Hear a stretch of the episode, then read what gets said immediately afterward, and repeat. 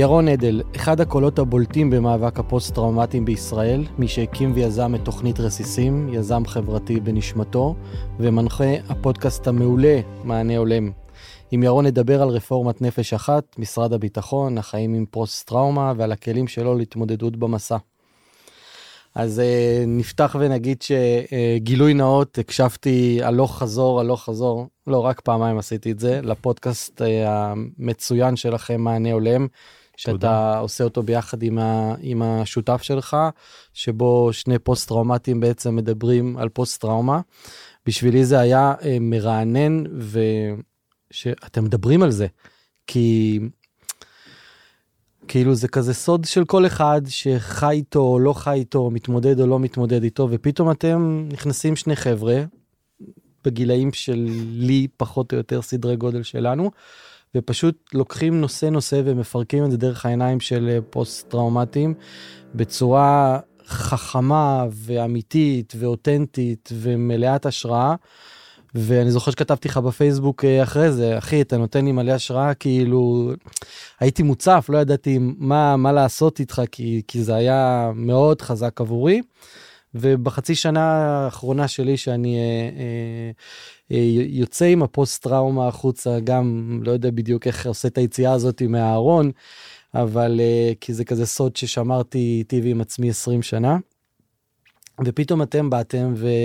ופשוט דיברתם על זה ואמרתי וואלה הם מדברים על זה והשמיים לא נופלים כאילו אז אז, אה, אז זהו נתת לי מלא השראה ואני שמח אה, שאתה נמצא אצלי אה, פה עכשיו בגשר של מדברים פוסט טראומה והלוואי שכמוני יהיו עוד כל מיני כאלה שידברו על זה וית...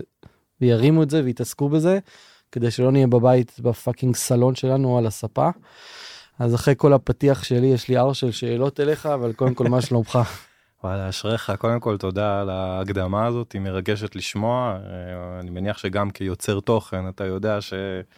אה, כי בעצם עכשיו מה שנתת לי זה את ה validation הכי הכי חזקה בעצם לעבודה שעשינו כאילו ברמת הצמרמורת שאתה יכול לראות עכשיו על היד שלי ואני בטוח ששותף השותף האנונימי שלי גם כן ירגיש ככה. אבל לפני שאני עונה רגע לשאלה שלך תן לי לעשות רגע פיבוט חזרה לדברים שאמרת אתה אמרת ששמעת אותנו וזה היה לך ממש עוצמתי וכאילו אני שומע בין המילים שזה היה לך קצת חדש או קצת שונה. אתה יודע לתאר מה כאילו תפס אותך שם? תפס אותי שקודם כל מדברים על זה זאת אומרת אה, לא מדברים על זה ברמת אה, אה, הדרמה או זה עולה לשיח ואתם משחזרים דברים ומדברים על דברים ויוצאים עם תובנות ו, ו, ופתאום זה, זה הוציא אותי מהלבד הזה שכאילו פתאום אה, אנחנו מאותו הכפר mm. אז זה היה לי כזה זאת אומרת זה זה אמרתי וואלה החברה האלה כאילו. מה הם שמעו את השיחות שלי לא אף פעם לא דיברתם אני לא יודע מי אלה אנשים זרים והם מדברים מתוך הנשמה שלי.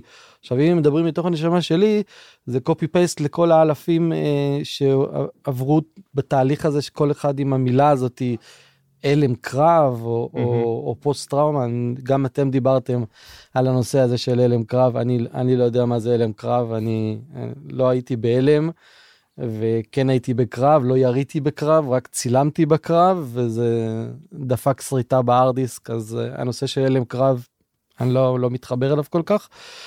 אבל כן, uh, זה, זה פתחתם, uh, פתחתם איזה פתח, ובמפגשים שלי עם אנשים, התחלתי להיפגש עם אנשים שמתמודדים עם פוסט טראומה, אז אני אומר להם, מענה הולם. כאילו, קודם כל תתחילו, תקשיבו. מדהים. קודם כל תקשיב אחי, זה ברמה כזאת. אגיד לך למה לי חשוב לשאול את זה, כי נראה לי הפתיח שאתה הצגת הוא למעשה, אתה יודע, המוטיבציה שלנו ביצירת תוכן. כי בסוף הבעיה בפציעה שלך ושלי, אה, שהיא פציעה שבאה עם שורה של התנהגויות שהן התנהגויות לא בריאות. ושזה אומר מהימנויות לדוגמה, אנחנו נמנעים מאלף דברים, נגיד אני שנים לא אכלתי טונה, לדוגמה, למה? כי בלבנון השנייה אכלנו טונה, זהו, סיימתי את המלחמה, סיימתי לאכול טונה. זה שלוש, ארבע, חמש שנים, לא זוכר כמה לא אכלתי טונה. אז זה נגיד דוגמה להימנעות. ויש לנו אה, אשמה, כאילו אנחנו מרגישים אשמים, כאילו אני אישית הרגשתי שנים אשם על זה שלא חילצתי את המ"פ שלי שנפצע תחת אש. עזוב שזו ההחלטה המבצעית הנכונה 20 שנה או 15 שנה אחרי זה אני עדיין עומד מאחורי זה. אבל זה לא משנה שזה אכל לי את הנשמה מבפנים. אה, ואנחנו מתמודדים עם בושה. כמו שאתה תיארת, אתה אומר 20 שנה אתה בתוך כאילו אהרון אפשר לקרוא לזה, זה מאוד מגביל במובן מסוים. אז המוטיבציה שלנו כאילו ביצירת התוכן היא בליצור תחושת הנורמליות הזאת, כאילו זה בעצם כאילו, אנחנו, או לפחות החלק הראשון של הפציעה הוא חלק שאתה לחוד בתוך הנפש של עצמך עם המחשבות של עצמך ואתה בכלל לא מוצא את המילים להסביר החוצה את הטירוף שאתה מרגיש מבפנים. אה, וכאילו אתה בטוח גם שאף אחד לא יבין אותך מסביב.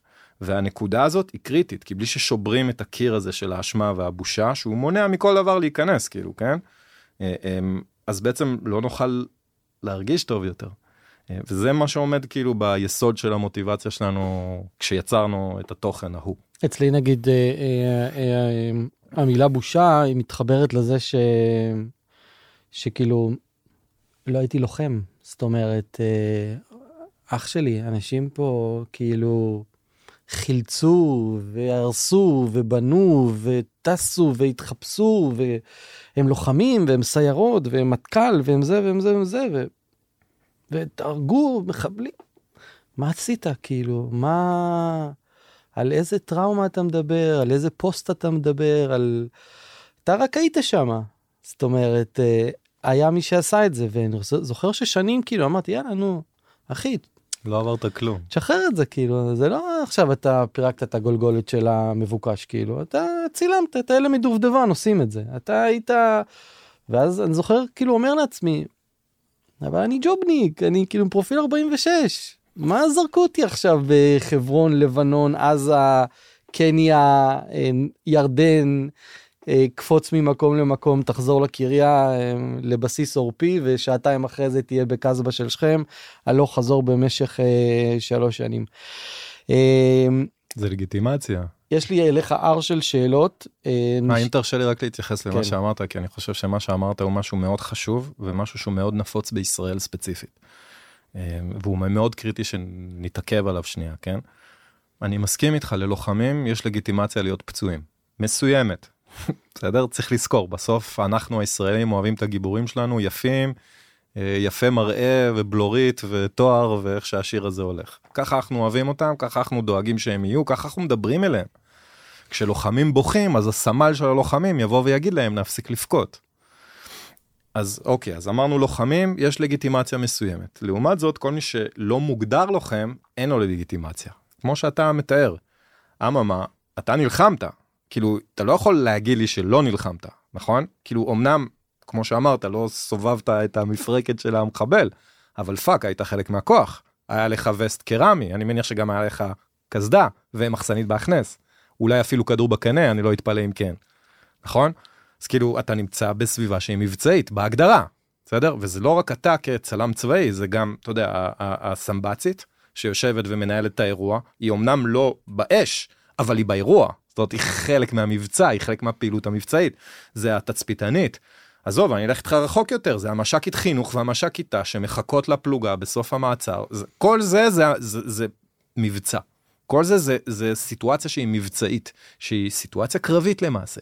פשוט המילה קרבית היא טעונה במשמעות עודפת, אז אני אוהב להשתמש במבצעי. כי אתה לא יכול להתווכח איתי שהיית חלק מהמבצע, mm-hmm. נכון? Mm-hmm. וכאילו בעצם אז למה היה לי חשוב להתעכב על זה? כי זה חלק מהשינוי שחשוב מאוד לעשות פה בישראל, שנשנה רגע את הנרטיב הזה. כי אנחנו מדברים על, על פצועים מבצעיים, אתה פצוע מבצעי. תרצה או לא תרצה, אתה פצוע מבצעי קודם כל, כי נפצעת, כי אני אגיד לך את זה ביותר פשוט, שירתת, נלחמת, ונדפקת מזה שנלחמת, אתה מבין? שלושת המהלכים האלה שמים אותך בתוך כאילו הקבוצה שלנו, וזה חלק מה... נגיד מהמחדל והוא כאילו בחוויה שזה על גבול הפשע בכלל שאנחנו מתייחסים למי שאשכרה משרת. אתה כועס נכון אני שומע אני אה, קורא חלק מהתכנים אני זה אני אני שומע המון כעס שעולה. בטח בטח תשמע פוסט טראומה זה פציעת זעם קודם כל בסדר זאת אומרת כאילו אם אם רגע מזקקים למה זה פוסט טראומה אתה רוצה אני אתן על זה שנייה איך שאני מסתכל על זה אז אה, אה, פוסט טראומה היא פציעת מוח וזה חשוב לקרוא לזה ככה היא לא. אה, פצוע נפשי. אני לא אוהב את המילה נפשי כי זה לא אמיתי, אתה מבין? זה מופשט כזה. לא. האמיגדלה שלך במוח נפגם, כאילו אם יצלמו לך, עשו צילום מוח, החלק, ש... החלק במוח שנקרא האמיגדלה, שאחראי על תגובות סכנה, בעצם מנגנות ה-fight or flight אם שמעת על זה, הוא נפגע. למה הוא נפגע? כי בסיטואציה של סכנה, נגיד במקרה שאתה סיפרת עם, ה... עם דובדבן, המוח שלך הפריש טונה של אדרנלין וקורטיזון בפנים. והמרינדה הזאת שהמוח שלך היה בה, דפקה אותך. 20% ממי שיהיה בסיטואציה הזאת, ידפק לו המוח. זאת אומרת, זה סטטיסטיקה, כאילו זה, אתה יודע, שור מאני, כאילו זה בטוח יקרה. אז כשאנחנו מסתכלים על הפציעה בצורה הזאת, אנחנו צריכים לחשוב על זה בצורה אחרת לגמרי. אה, אה, וכש, אוקיי, וכש, למה אני קורא לזה פציעת כעס? כי שוב, זה מנגנון של סכנה. בסדר? אז המנגנון של הסכנה אומר, ברגע שיש סכנה, אני נהיה חד יותר, אני נהיה דרוך יותר, נכון? שוב, זה האדרנלין והקורטיזון. אה, אה, אבל כשאין באמת סכנה, אתה מבין? אבל המוח שלי חושב שיש סכנה, אז אני מתחיל לכעוס ולצעוק, כי זו, זה תוקפני, אני, כאילו, מה זה זעם במילים אחרות? הצורך להילחם, אתה מבין? כאילו, זה מה שזה זעם, זעם זה, יאללה, אני הולך להסתער על משהו ולרצוח לו את הצורה, נכון? זה זעם. אז זה מה שזה, אתה מבין? זאת אומרת, זה פציעת כעס, זאת אומרת, בהגדרה אנחנו כולנו כועסים. בהגדרה, זאת אומרת, it's part of our condition, כאילו זה המצב הרפואי שלנו. בגלל זה אולי גם קשה אה, לאלה שבחוץ אה, אה, ל, ל, לעכל פוסט טראומטיים, או, או להכיל את הדבר הזה, כי יותר קל אולי אה, במסגרת, במסגרת יפי הבלורית, אה, כשהם באים נכי צה"ל האחרים בלי היד או על כיסא גלגלים, אז יש מיד איזה... אמפתיה אה, אוטומטית. אמפתיה אוטומטית שהוא איבד את ידו, רגלו בקרב או בצבא או whatever, וכשאנחנו מגיעים אז הנכות השקופה שלנו בעצם, פלוס אנחנו גם כועסים, פלוס אנחנו גם, אה, כשהם פוגשים אותנו אז אנחנו צועקים בישיבות בכנסת. או אה, אה, אחד מאיתנו, אה, נדבר עליו, גם שורף את עצמו, ורק אז הם אומרים, אה, טוב, בוא נעשה משהו עם החבר'ה האלה. זאת אומרת, יותר קל להם אם היינו... תשמע, זה עמוק יותר. אמ, תשמע, העבודה בעולם של הפוסט טראומה זה להיחשף כאילו לצורה שהעולם הזה בנוי. ובעולם הזה, וכשאני כאילו, האנשים שאחראים על העולם הזה, לא ייצרו משהו נורא בסיסי שנקרא אה, אסטרטגיית שיקום. כאילו, אגף השיקום, למה, כאילו, מה זה אומר כשאתה משוקם? כאילו, מה קריטריונים לשיקום? וכשאין לך את הקריטריונים האלה לשיקום, כל ההסתכלות היא הסתכלות נורא רדודה בסוף, וזו ההסתכלות שיש היום, אז הם, הם בכלל, אני אתן לך, אתה יודע, דוגמה הכי טיפשית בעיניי. זה הכי טיפשי והכי מזעזע בו זמנית. הנה, אתה יודע מה, לפני כמה זמן אמרת שסיימת? חצי שנה. במקרה יש לך אס.אם.אסים פה? אתה יכול להקריא את האס.אם.אס שאגף השיקום שלח לך ביום שקיבלת את הקבלה? אה, כן, אחי. אתה זוכר מה כתב שם? מה היה כתוב שם? מה היה הנוסח? הכי... אני אגיד לך מה הנוסח. הנוסח היה, אתה, אתה מחכה, עברת ועדה רפואית, אתה מחכה למכתב, אתה זוכר את התקופה הזאת, זה בטח תקופה חסרת מנוחה, כאילו, אתה בטרפת, כל היום רק מתגרד בגוף, אתה מזיע וזה. מה אגף השיקום שאמורים להבין מפוסט טראומה, אומרים לך בנקודת זמן הזאת שאתה מחכה לתשובה, אחי, קיבלת אס.אם.אס שבו כתוב, ההחלטה בתיקך התקבלה והיא בדרך אליך בדואר רשום. זה ההודעה שהאנשים הגנובים האלה חושבים שבן אדם עם פציעת מוח ופציעת זעם צריך לגבל. איפה פה הניהול כאילו למה אתה משאיר אותי בחוסר ודאות? כאילו בפודקאסט עצמו יש ליטרלי פרק שהקלטתי ביום שקיבלתי את ההודעה הזאת שנקרא קיבלתי אס.אם.אס ממשרד הביטחון כי המסרון הזה יצר לי תגובת חרדה של שלושה שבועות כאילו שלושה שבועות לא נשמתי לא יכולתי לתפקד כמו שצריך. וזה רק מהנוסח של ההודעה וזה להראות לך שהם לא מבינים את מהות הפציעה ברמה הכי אתה יודע, הנה זה שער הכניסה לאגף אתה מבין זה איך שהם אומרים שלום. ככה הם אומרים שלום קח תחטוף התקף חרדה שלושה שבועות אהלן ברוך הבא כאילו. אז כל המערכת לא מבינה בכלל מה זה פוסט טראומה, באמת, היא לא מבינה. אתה לא מאמין לנפש אחת לרפורמה הזאת? אין פה עניין של להאמין, כן? אני מאמין בטוב כוונותיהם. סליחה שאני מדבר כזה mm-hmm. באסרטיביות. אמ, אני מאמין בטוב כוונותיהם, כן? כאילו, אני חושב שהם רוצים לעשות טוב, אני באמת מאמין לזה. העניין הוא שאתה מסתכל שנייה על התוכן, כאילו, של הרפורמה, אז בצד החיובי שלה, הם יצרו את מה שנקרא מסלול ירוק, שאתה חווית אותו. שזה בעצם אומר שהם קיצרו את תהליך ההכרה. אני עברתי שלוש וחצי שנים של תהליך הכרה, אתה עברת חודשיים, חודש וחצי, שלושה חודשים, שזה מאוד משמעותי. אה, לא שהם תיקנו את האיכות של התהליך, אבל לפחות את האורך שלו קיצרו, שזה באמת שזה דרמטי. אה, אה, הם הכירו, ב, נגיד, הם התחילו להחזיר טיפ, כסף על טיפולים אלטרנטיביים, על כלבי שירות, כאילו התחילו להסתכל קצת יותר רחב. אבל תשמע, אנחנו שנה וחצי אחרי שאיציק הצדיק שרף את עצמו. אין איזה שינוי, אתה יודע, מהותי, כאילו, יותר מזה, אני אומר לך, כל החבר'ה האקטיביסטים בעולם של הפוסט-טראומה, אחי, על בריקדות עכשיו, כאילו. כי מה? אמ, אז התחלת קצת להגיד את זה, אז רפורמת נפש אחת עברה בשתי פעימות בגדול. הפעימה, או עברה, כאילו אמורה לעבור בכמה פעימות. הפעימה הראשונה הייתה באוקטובר 20, אוקטובר 21, אה, בעצם שהתקציב הראשון של הממשלה ההיא עבר, אז בעצם בוכטה של רפורמות נכנסו, חלק זה היה מסלול הירוק, כל מה שדיברנו עד עכשיו. והבוכטה השנייה אמורה הייתה לעבור עכשיו בתיקון חוק הנכים, עכשיו בספטמבר. ולצערי החוק שהוגש, חוק הנכים, לא מתייחס בכלל לחבר'ה שהם פצועים מבצעים, ובטח שלא לחבר'ה עם פוסט טראומה. מה שכתוב שם, כאילו זה, זה הוא עוסק בכל מיני שינויים, אני אתן דוגמה שהיא כאילו בעיניי לפחות מסכמת. חלק מרכזי ממה שהתיקון הזה עוסק זה כאילו מה שקשור ברכב רפואי. מה שחבר'ה קטועי גפיים וכאלה צריכים. עכשיו אני לא אומר שהם לא צריכים טיפול, אבל אחי, כאילו האגף נותן שירות יחסית סביר לחבר'ה שהם פצועי גוף, אבל פצועי מוח? למה אנחנו לא בחוק? כאילו אם זה נפש אחת, אם איציק שרף את עצמו כי הוא פוסט טראומטי, למה לא עושים משהו לנו?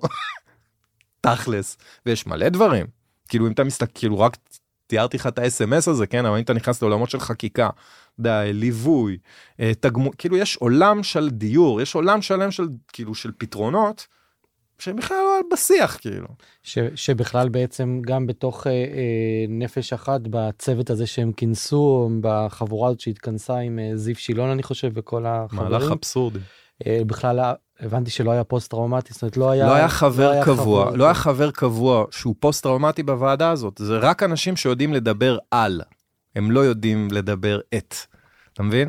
וכאילו זה רק מראה את התפיסה זאת אומרת כאילו הם פטרוניים כאילו אני בעיניי זה זכיחות כן זה כאילו מין אנחנו בטוחים שאנחנו יודעים כשבפועל הם לא יודעים. אני עכשיו נמצא באיזשהו תהליך מול אגף השיקום אני צריך לעבור דרך רופא מחוזי שיעריך את המצב שלי.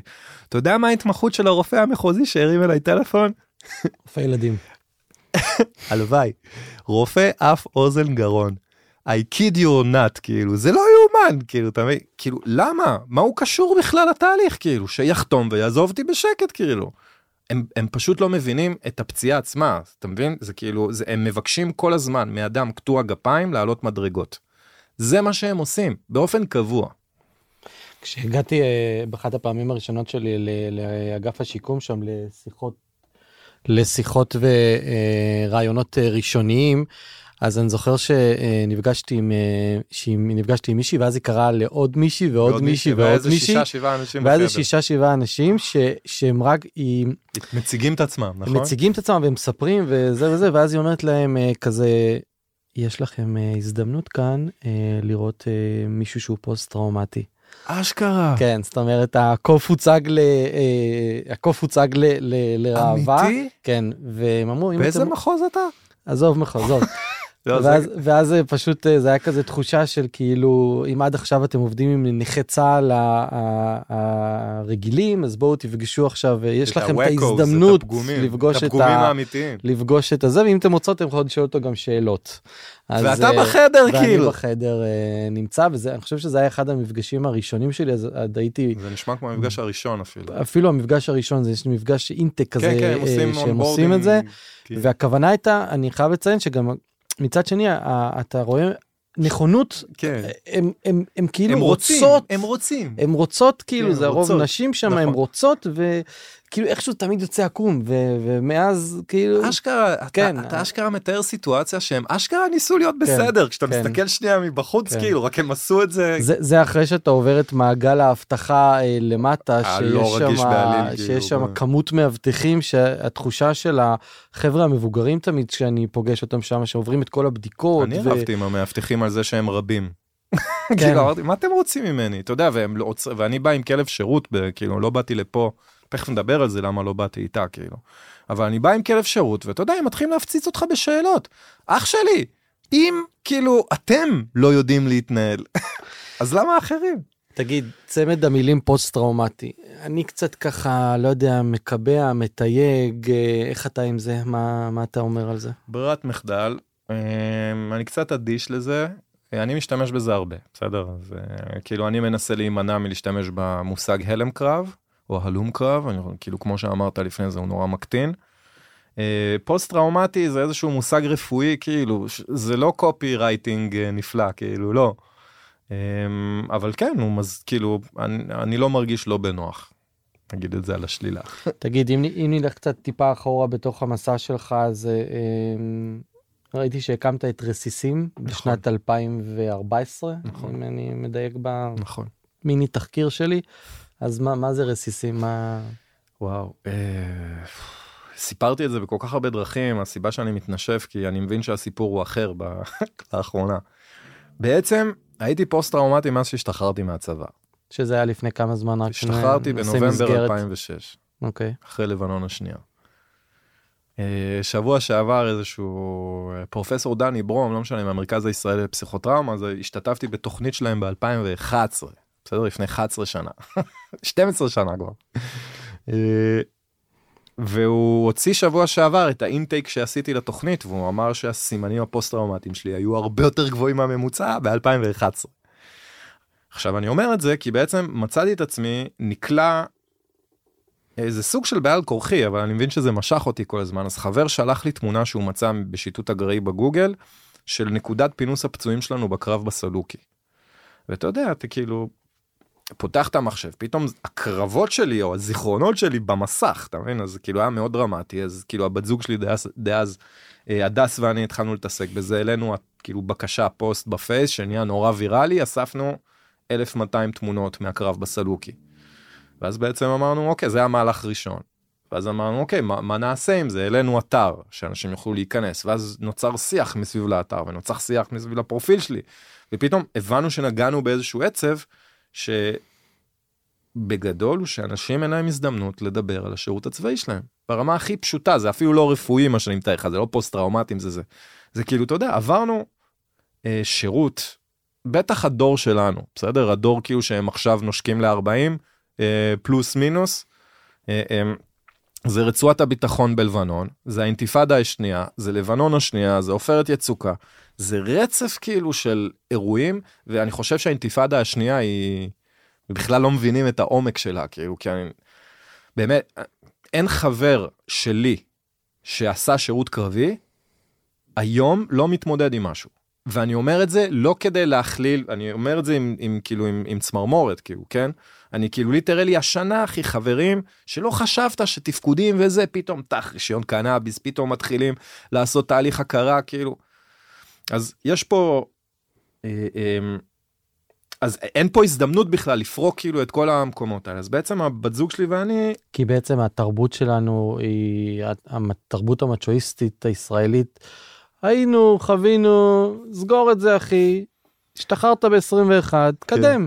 לגמרי, זה כזה. לגמרי, ואתה יודע, גם מה אתה עברת. הנה, זה קצת מתחבר למה שאתה אמר, חבר'ה מיום כיפור מה הם עברו, אחי. מה אני ליד החבר'ה של החווה הסינית. אתה מבין, זה עובד כל הזמן, כאילו ככה. אמ, אבל הזווית הזאת של הסיפורי קרבות, מתוך כאילו זה שהחלפנו תמונות, הבנו שנגענו באמת בעצב, אז בעצם כינסנו עשרה חברים, וביחד החלטנו לעשות טקס ביום הזיכרון ב-2014. שהמטרה שלו לתת במה לחבר'ה שחזרו בחיים לצד אלה שנפלו. בעצם לתת הזדמנות לאנשים לספר את הסיפור צבא שלהם בפעם הראשונה.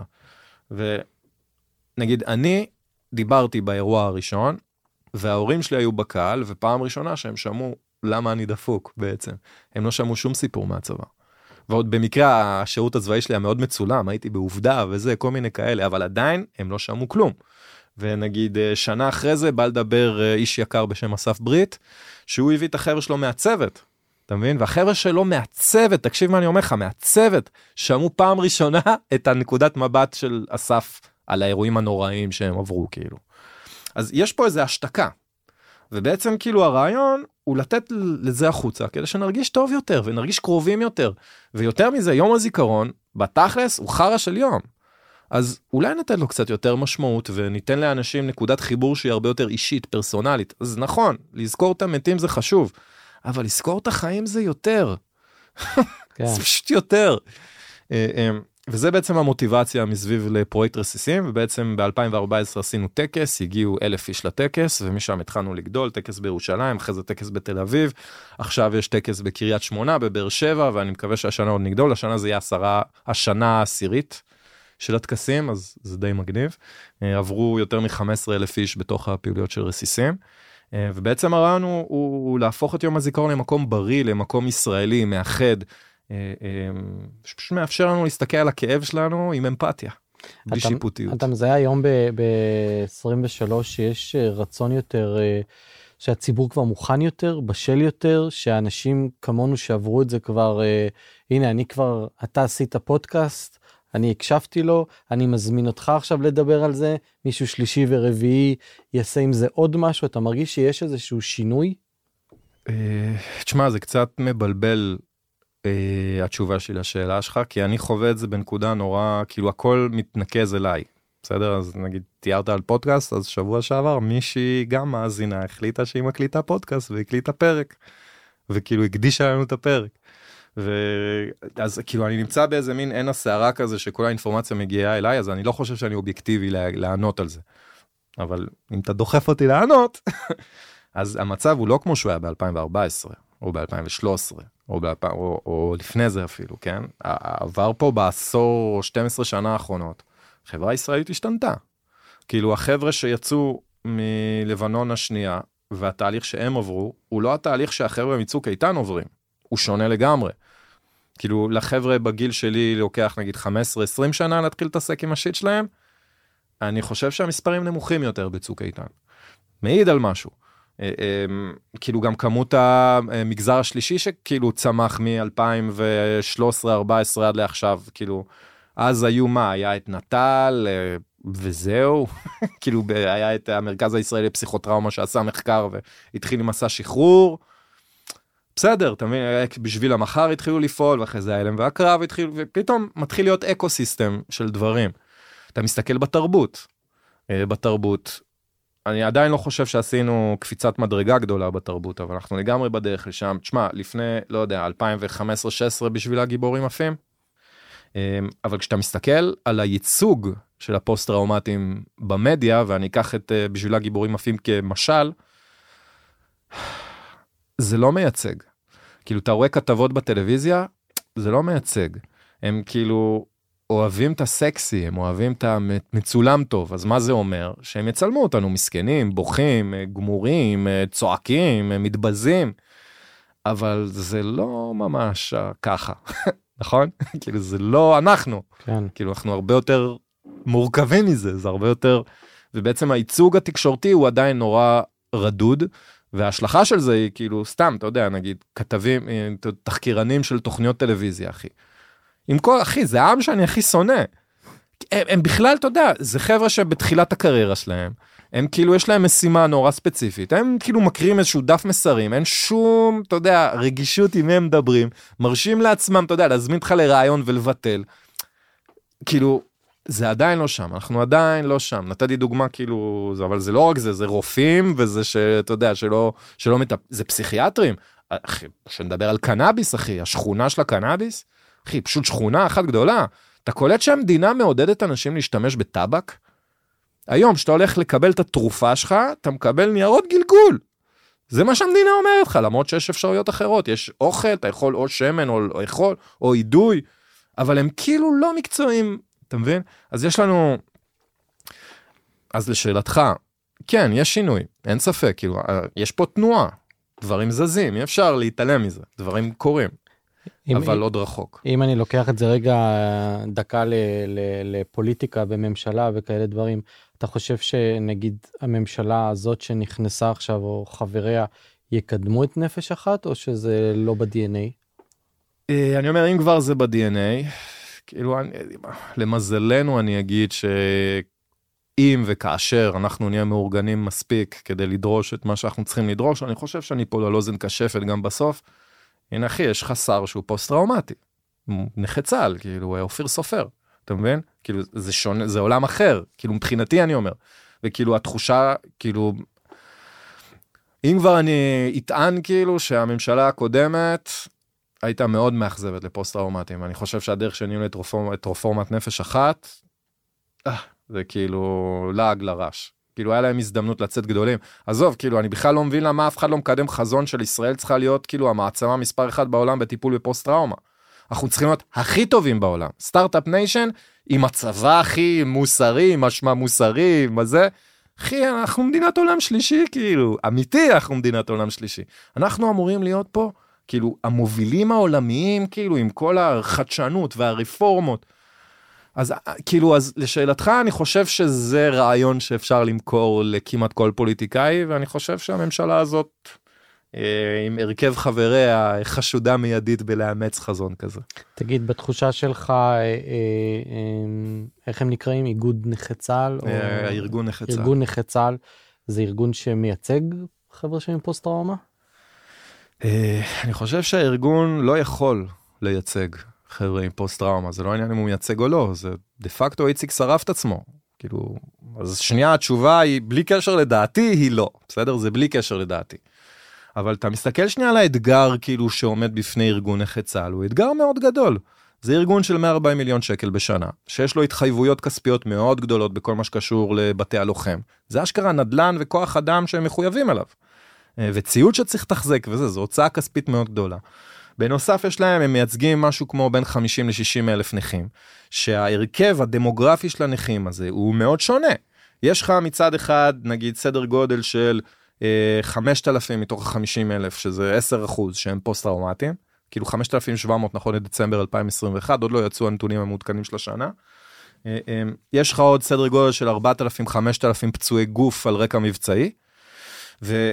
ואז נשאר 40 אלף הנותרים. מה זה 40 אלף הנותרים? אנחנו מדברים על כל חייל סדיר שקרה לו משהו בשירות, לא קשור למבצעי, תאונת דרכים, אה, כאילו תרגיל, סרטן לא עלינו, לא, אוקיי. דווקא תרגיל אני מכיל 아, בתוך המבצעי, וכ... אני מבחינתי, כאילו פציעות תרגיל זה פציעה מבצעית לכל mm-hmm. דבר, כאילו אתה לא יכול להילחם בלי להתאמן, זה קשור כאילו. אבל לא, בן אדם יצא הביתה, שתה, עשה תאונת דרכים, כאילו לא קשור בשיט לצבא כאילו. אה, אה, ויותר מזה, כבאים, שוטרים, אה, אנשי כוחות הביטחון, אנשי כוחות הביטחון, בעצם העמיסו על אגף השיקום את כולם. זה האתגר של ארגון נכי צה"ל, הוא צריך לדעת לתת שירות פרסונלי, כל הקבוצות השונות האלה, יש לו כאילו איזה 15 תתי קבוצות. אז, אז תשובה לשאלה שלך זה לא, לא משנה אם דעתי אם הוא מייצג או לא, אני אומר, בפועל הוא לא נותן מענה, כאילו פשוט דה פקטו. אתה מבין? והוא גם לא יכול, כי הוא פשוט בניגוד עניינים, יש לו 40 אלף איש אחרים לדאוג להם. ומתוך הדברים שלך עולה גם המספר המקומם הזה של 5,500, פוסט-טראומית, כן, 700, כן. 5,700, אה, מתוך הערכה שיש איזה 100 אלף כמונו שמסתובבים. אולי זה מספר שצריך להסביר רגע.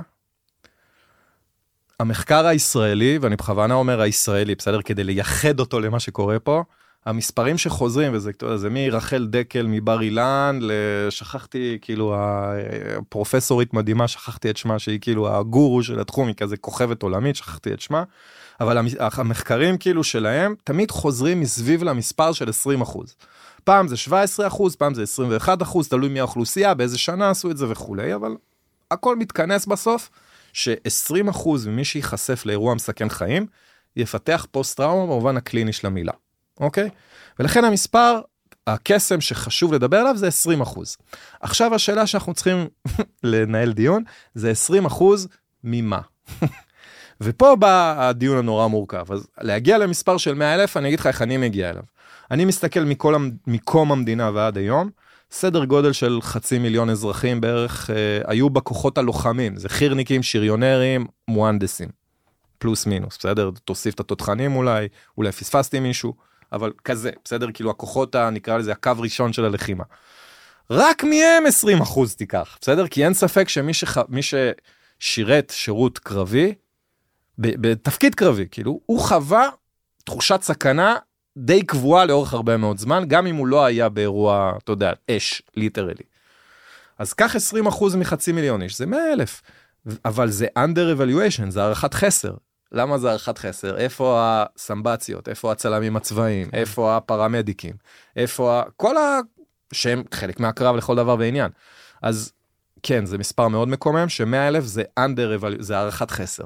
שה, שה, שהחבר'ה האלה בעצם, אה, שמסתובבים בחוץ או נמצאים עכשיו בבית אה, ומאזינים לנו אה, במקום כזה או אחר שהם נמצאים בו, לא הולכים, לא הולכים לתהליך של הכרה, או לא יוצאים עם זה, או לא מודים בזה, או לא name it, כאילו, אני לא, אני לא רוצה לשמוע, אני, לא, אני לא ביקורתי לזה, אני, לא. אני הייתי שם 20 שנה.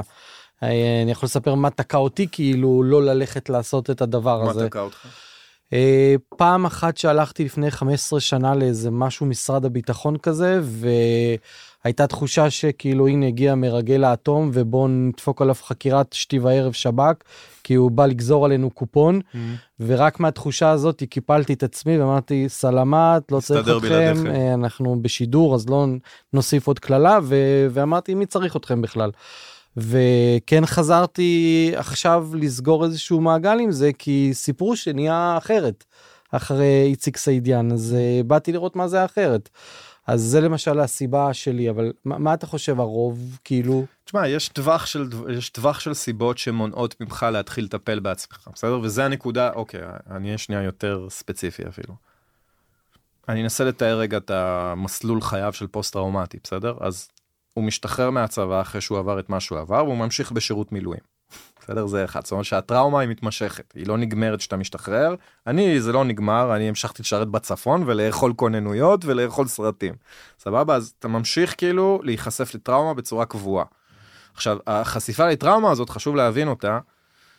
היא בנויה מאוד על תחושת אחווה. אחי אני לא יפקיר והרבה שנים הייתי בתחושה הזאת אני לא יפקיר את החברים שלי מהצבא או מהמילואים זה פשוט לא יקרה כאילו אוקיי אז הנה מנגנון אחד שמונע ממך לקבל את זה שאתה דפוק כי אם אתה דפוק אתה לא יכול להיות עם החברים שלך סבבה אז הנה מנגנון מאוד חזק גם שאסור להתעלם ממנו אותי הוא מנע הרבה שנים. שתיים אתה צריך להודות בפני עצמך שאתה נכה. שאתה פגום שהמוח שלך fucked up שהשיקול שלך מעורער שיקול דעת שלך מעורער. זה לא פשוט בכלל כאילו לעבור את השלב הזה עם עמך ועם עצמך כן אפילו עזוב לספר לאחרים אז זה נקודה שנייה שהיא מונעת מאוד קשה. תוסיף את כל מה שדיברנו לפני זה הבושה אשמה כאילו האירועים עצמם שמייצרים לך כל מיני סרטים בראש הם חסם אקטיבי כאילו. וזה רק דיברנו על הסיבות שהם המוח הדפוק שלך. בסדר? זאת אומרת שהם אתה עם עצמך. עכשיו תוסיף רגע את החסימים האובייקטיביים שהתחלת לגעת בהם. התהליך עצמו משפיל. גם אחרי, גם אחרי התיקון של נפש אחת הוא עדיין משפיל. אני אגיד לך למה הוא משפיל. אתה אשכרה צריך להביא עדים שאתה היית בפעילויות האלה. אתה קולט שמה שהמדינה מבקשת בעצם, שאתה תתקשר לבן אדם שכנראה לא דיברת איתו 15 שנה, והשיחת טלפון הראשונה שאתה תעשה איתו היא, היי אחי, זוכר את המחבל המתאבד ההוא שהיינו? אתה מבין? זה כאילו מה שהמדינה מצפה שאתה תעשה. אחי, זה חסם מאוד גדול. גם תחשוב שאם רבת עם הצוות שלך, מאיזושהי סיבה מוצדקת או לא מוצדקת, אז בכלל אתה לא תעבור את השלב הזה. אתה מבין? אה, אה, אתה צריך לפתוח את הפצעים. כאילו ברמה טכנית, כאילו לא משנה מה, טיפול, או לא משנה מה, אתה חייב לפתוח את הפצעים. זה שלב הכרחי, אתה לא יכול לעקוף אותו.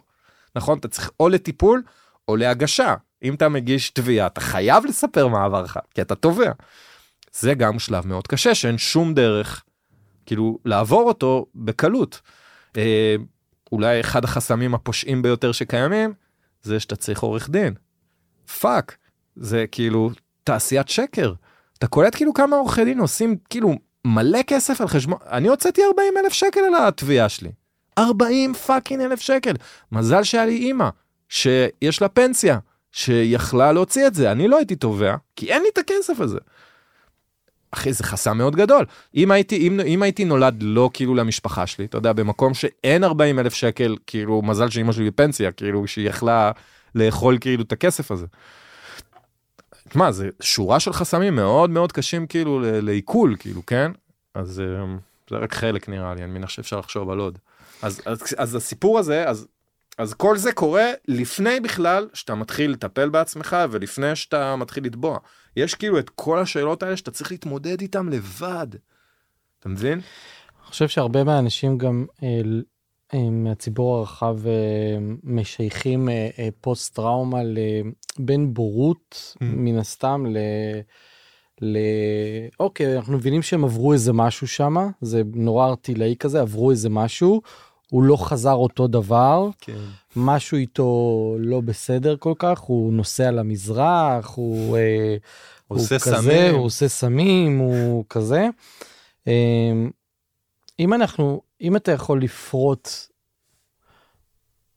מה זה הלא בסדר הזה בתחושה שלך, נגיד אחרי שהשתחררת, או כמה שנים אחרי, או איפה פגשת את זה, תשמע, יש כאילו משהו נורא מבלבל כאילו בפוסט טראומה, כי בעצם אתה בתקופה שאתה שופט את עצמך כנורמלי, ונגיד במקרה שלי אני גם היפר תפקודי, כאילו כשאני מתפקד אני מאוד מתפקד, אז יותר קל לי להתעלם מזה שאני דפוק.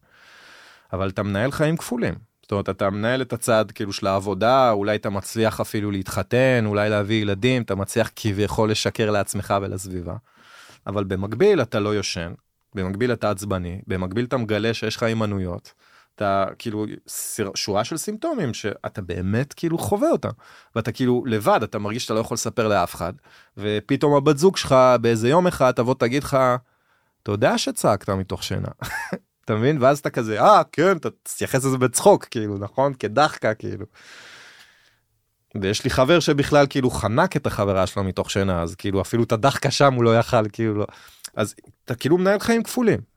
ויש איזה נקודה שאני חייב להגיד אצל כולם מעניין גם אם אצלך כאילו אבל כל מי שאני דיברתי איתו יש נקודת קריסה. יש נקודה שבה אי אפשר יותר להתעלם היא קריסה בהגדרה. ויותר מזה נראה לי גם דיברנו על זה בפודקאסט אבל זה נקודה שבה התחושה היא שאין לך שיקול דעת יותר. כאילו שתגידו מה שאתם רוצים שאני אעשה את הטיפול הזה אני אעשה את הטיפול הזה אתם רוצים אתה כאילו זהו אין לך אתה גמור כאילו זה בעצם ההגדרה אין לך שיקול דעת יותר אתה כאילו נהיה סמרטוט. וכל מי שדיברתי איתו היה בנקודה הזאת זאת אומרת הוא הגיע לנקודת קריסה.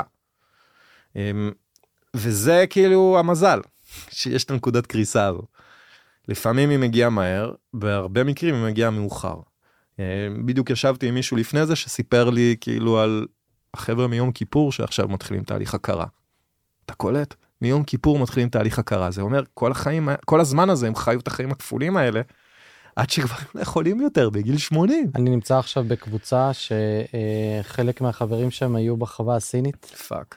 אה, והם כבר בגילאי בטח של אה, 65, אה, נושקים ל-70 או סדר גודל כזה, ואתה רואה שרק עכשיו, רק עכשיו, הם מרגישים שיש להם את ה space הזה, שהוא יכול לבוא וכאילו... להיות חלש. לח... לדבר על זה, לנסות לאגף את זה באיגופי על. תמרונים של תמרונים, ארמיות, כן. ארמיות ממש, עוד, זאת אומרת ממש אתה רואה, דיברת על נקודת שבר, זה מקום שאפשר לצמוח ממנו. אין ברירה, מקום- כאילו זה או שאתה מתאבד או שאתה צומח. כאילו. ולשם אני רוצה אה, לרגע לדבר איתך. כתבת אה, פוסט אה, מאוד מרגש, אני, אה, אתה בטח זוכר אותו, שהפך להיות גם אה, טור דעה בהארץ, ברשותך אני יכול להקריא אותו. אה, 12 פוסט טראומטיים צבאיים התאבדו מתחילת 2022, זה אשכרה על הזין שלהם, בלי ספק. אף פעם לא באמת עניין אותם כל עוד הרגנו ערבים, אי אפשר להיות באמת מופתעים, זה היה ההימור שלי מתחילת הדרך. על הזין שלהם 100 אלף פוסט טראומטיים צבאיים, על הזין שלהם לילות בלי שינה, חודשים בלי עבודה, שנים בלי אהבה, ילדים בלי אמא או אבא מתפקד, עשרות אלפי משפחות מתפרקות, על הזין שלהם לחיות חיים עלובים, לא מאוזנים, עם תקווה שהולכת ונמוגה, על הזין שלהם שכל הסבל הזה בגללם, ולמה זה? כי מילאנו פקודות, אנחנו החמישה אחוז שאשכרה הולכים לקרבי ולתומכי לחימה, החמישה אחוז שבגללם אתם ישנים טוב בלילה, אתם יכולים לעמוד בפקקים, אתם יכולים לסחור במניות, לגדל פה ילדים ביחסית שקט, ולשכוח למה כל כך טוב לכם.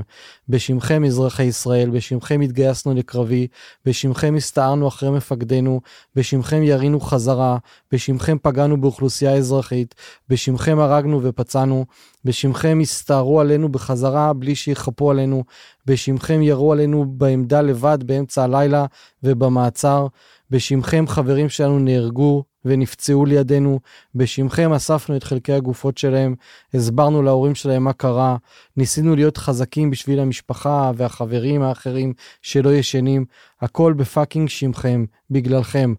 פוליטיקאים עם דם על הידיים, כל המדינה הזאת שלכם, הפריימריזם שלכם, הבחירות שקר שלכם, אכפת לנו עלק, הפקרתם אותנו פעם אחר פעם, כל הזדמנות שהייתה לכם לעשות צדק איתנו הלכה לפח. לאף אחד מאיתנו אין זמן לחכות, לכן אנחנו נדאג לעצמנו בעצמנו.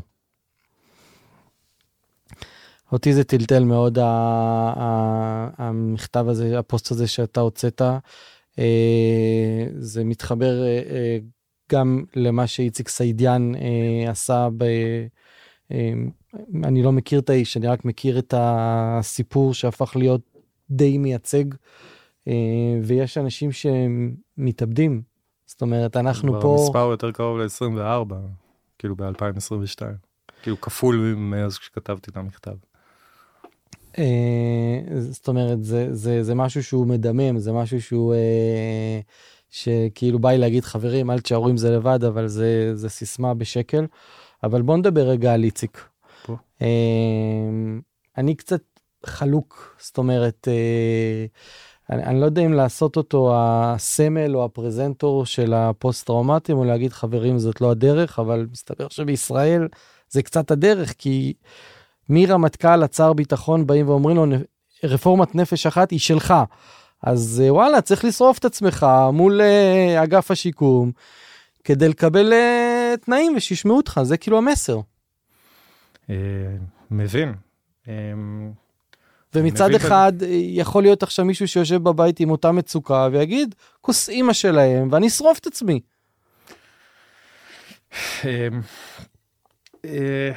כן, זה נושא מורכב. אני מתייחס לאיציק כאל גיבור, אה, פשוט כי הוא שינה. כאילו בסוף, אתה יודע, האימפקט אה, קיים, הוא שם. אה, אני אגיד לך, תשמע, פוסט טראומה מביאה איתה התנהגויות רעות.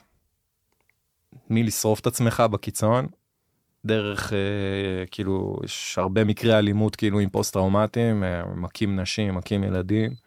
יש בעיות אלכוהוליזם, בעיות uh, סמים קשים. Uh, ויש גם בעיות התנהגות שהן לא כאלה קיצוניות, אני דפק, אני דופק צעקות די הרבה לפקידות כאילו בטלפון או פקידים בטלפון. שזה לא התנהגות שאני גאה בה, אבל מה אני אעשה היא חלק מהפתולוגיה שלי. Um, אז אני מסתכל על ההתנהגות של איציק ואני שופט אותה לפי הנקודה הזאת. בסדר? זאת אומרת, he's fucked up, הוא דפוק והוא הגיע לקצה שלו. מה שכאילו, מה שקורה מאחורי הקצה אין לי יכולת לשפוט, בסדר? כי אני עובר את הקצה מדי פעם. אז זה כאילו לגבי העניין המוסרי.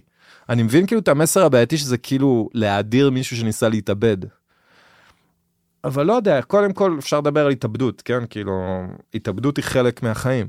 מה לעשות? כאילו, גם כמה שאנחנו לא אוהבים את זה, זו תופעה אנושית. כאילו, ויש בה הרבה היגיון. כאילו, כמי שמתמודד עם דיכאון, אני יכול להגיד לך שזו אופציה שאני שמח שקיימת, גם אם אני לא משתמש בה. אבל כן, כאילו, זה מאפשר לבחור לחיות. אתה מבין?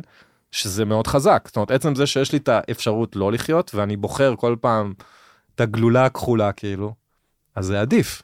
אתה מבין? אז עצם זה שיש את ה... אז אני לא רואה את, ה... את, ה... את הסיפור שלו כאילו כמשהו שהוא ממש ממש רע בהקשר הזה. אני מבין את ההסתייגות, כאילו.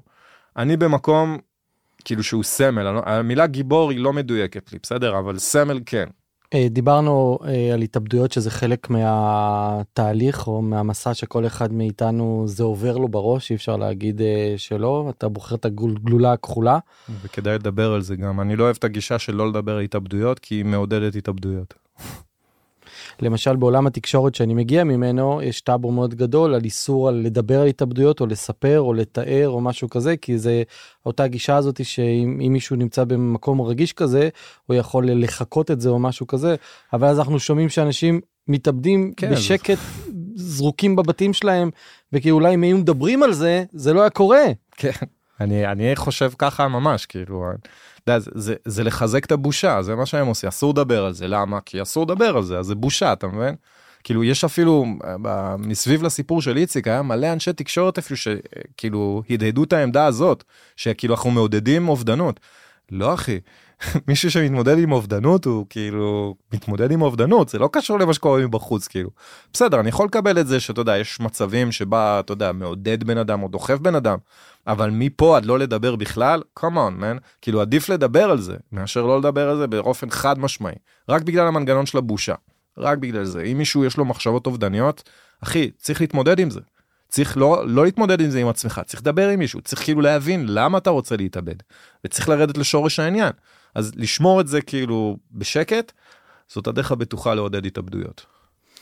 אה, אחד, ה, אחד הרעיונות שלי שבעצם חשבתי לעשות את הפודקאסט הזה ולפגוש אנשים ולשמוע את המסע שלהם ולראיין ולדבר איתם, זה לקבל השראה למה אתה לוקח את הגלולה הכחולה כמו שאמרת מקודם ואתה בוחר בחיים. אז מה, מה הדברים שלך עוזרים להתמודד או... זה פודקאסט בפני עצמו. אבל אם אני שנייה אזקק את הכל לכדי דבר אחד שנראה לי אפשר לקחת כאילו מהחוויה שלי, זה משמעות. אם אין לך משמעות אחי, אם אין סיבה שאתה קם בבוקר, אתה לא תקום בבוקר.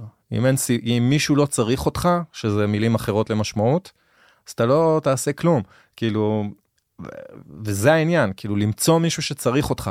כאילו זה בדרך כלל אנשי, כאילו משפחה מן הסתם, אבל חברים, חבר'ה מהיחידה שלך, זה נגיד הדרך הכי, הכי טובה למצוא משמעות.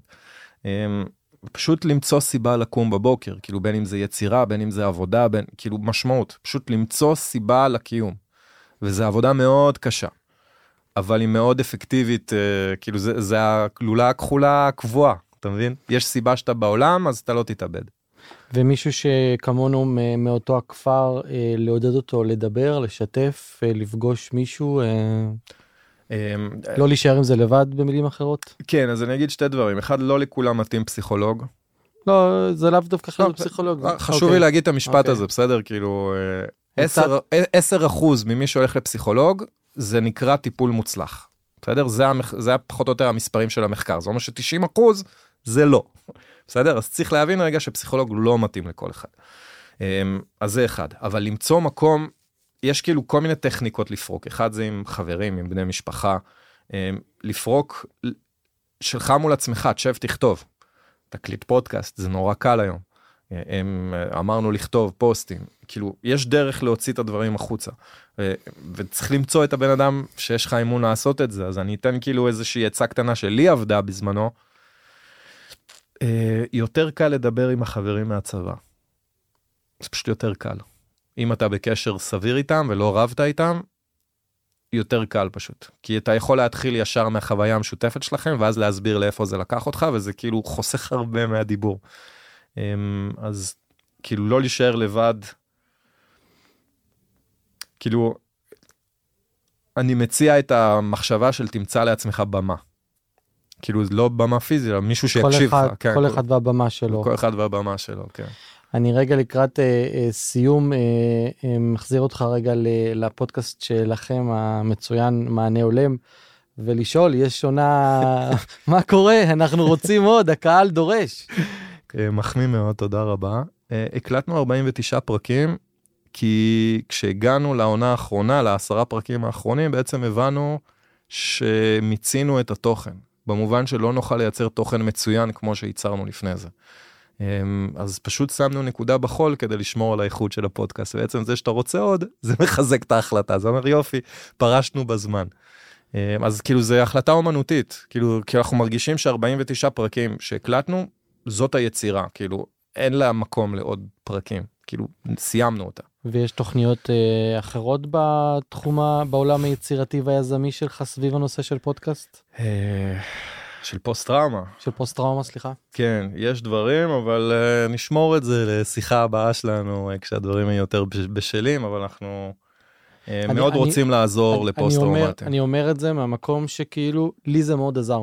זאת אומרת ואני אחד שאתה נפגשת איתו ומדבר איתך אני מאמין שיש עוד כמה אפילו אתה יודע מה מספיק שעזרת לי כן. לצורך העניין אז אני כן. אומר לך תודה ו- ואני אשמח שכן תמשיכו ליצור ולעשות סביב העולם הזה. ליצור אנחנו לגמרי נמשיך. כי זה, זה, זה פותח, זה נותן השראה, זה נותן ביטחון, זה נותן אה, שאתה לא לבד עם זה. וואי אחי, תודה ממש על המילים האלה, אני אומר כפוסט טראומטי לפוסט טראומטי, אתה יודע, המוטיבציה שלנו להקליט את הפודקאסט בגדול, היה לה, כאילו, מה הייתה המוטיבציה המקורית הרי?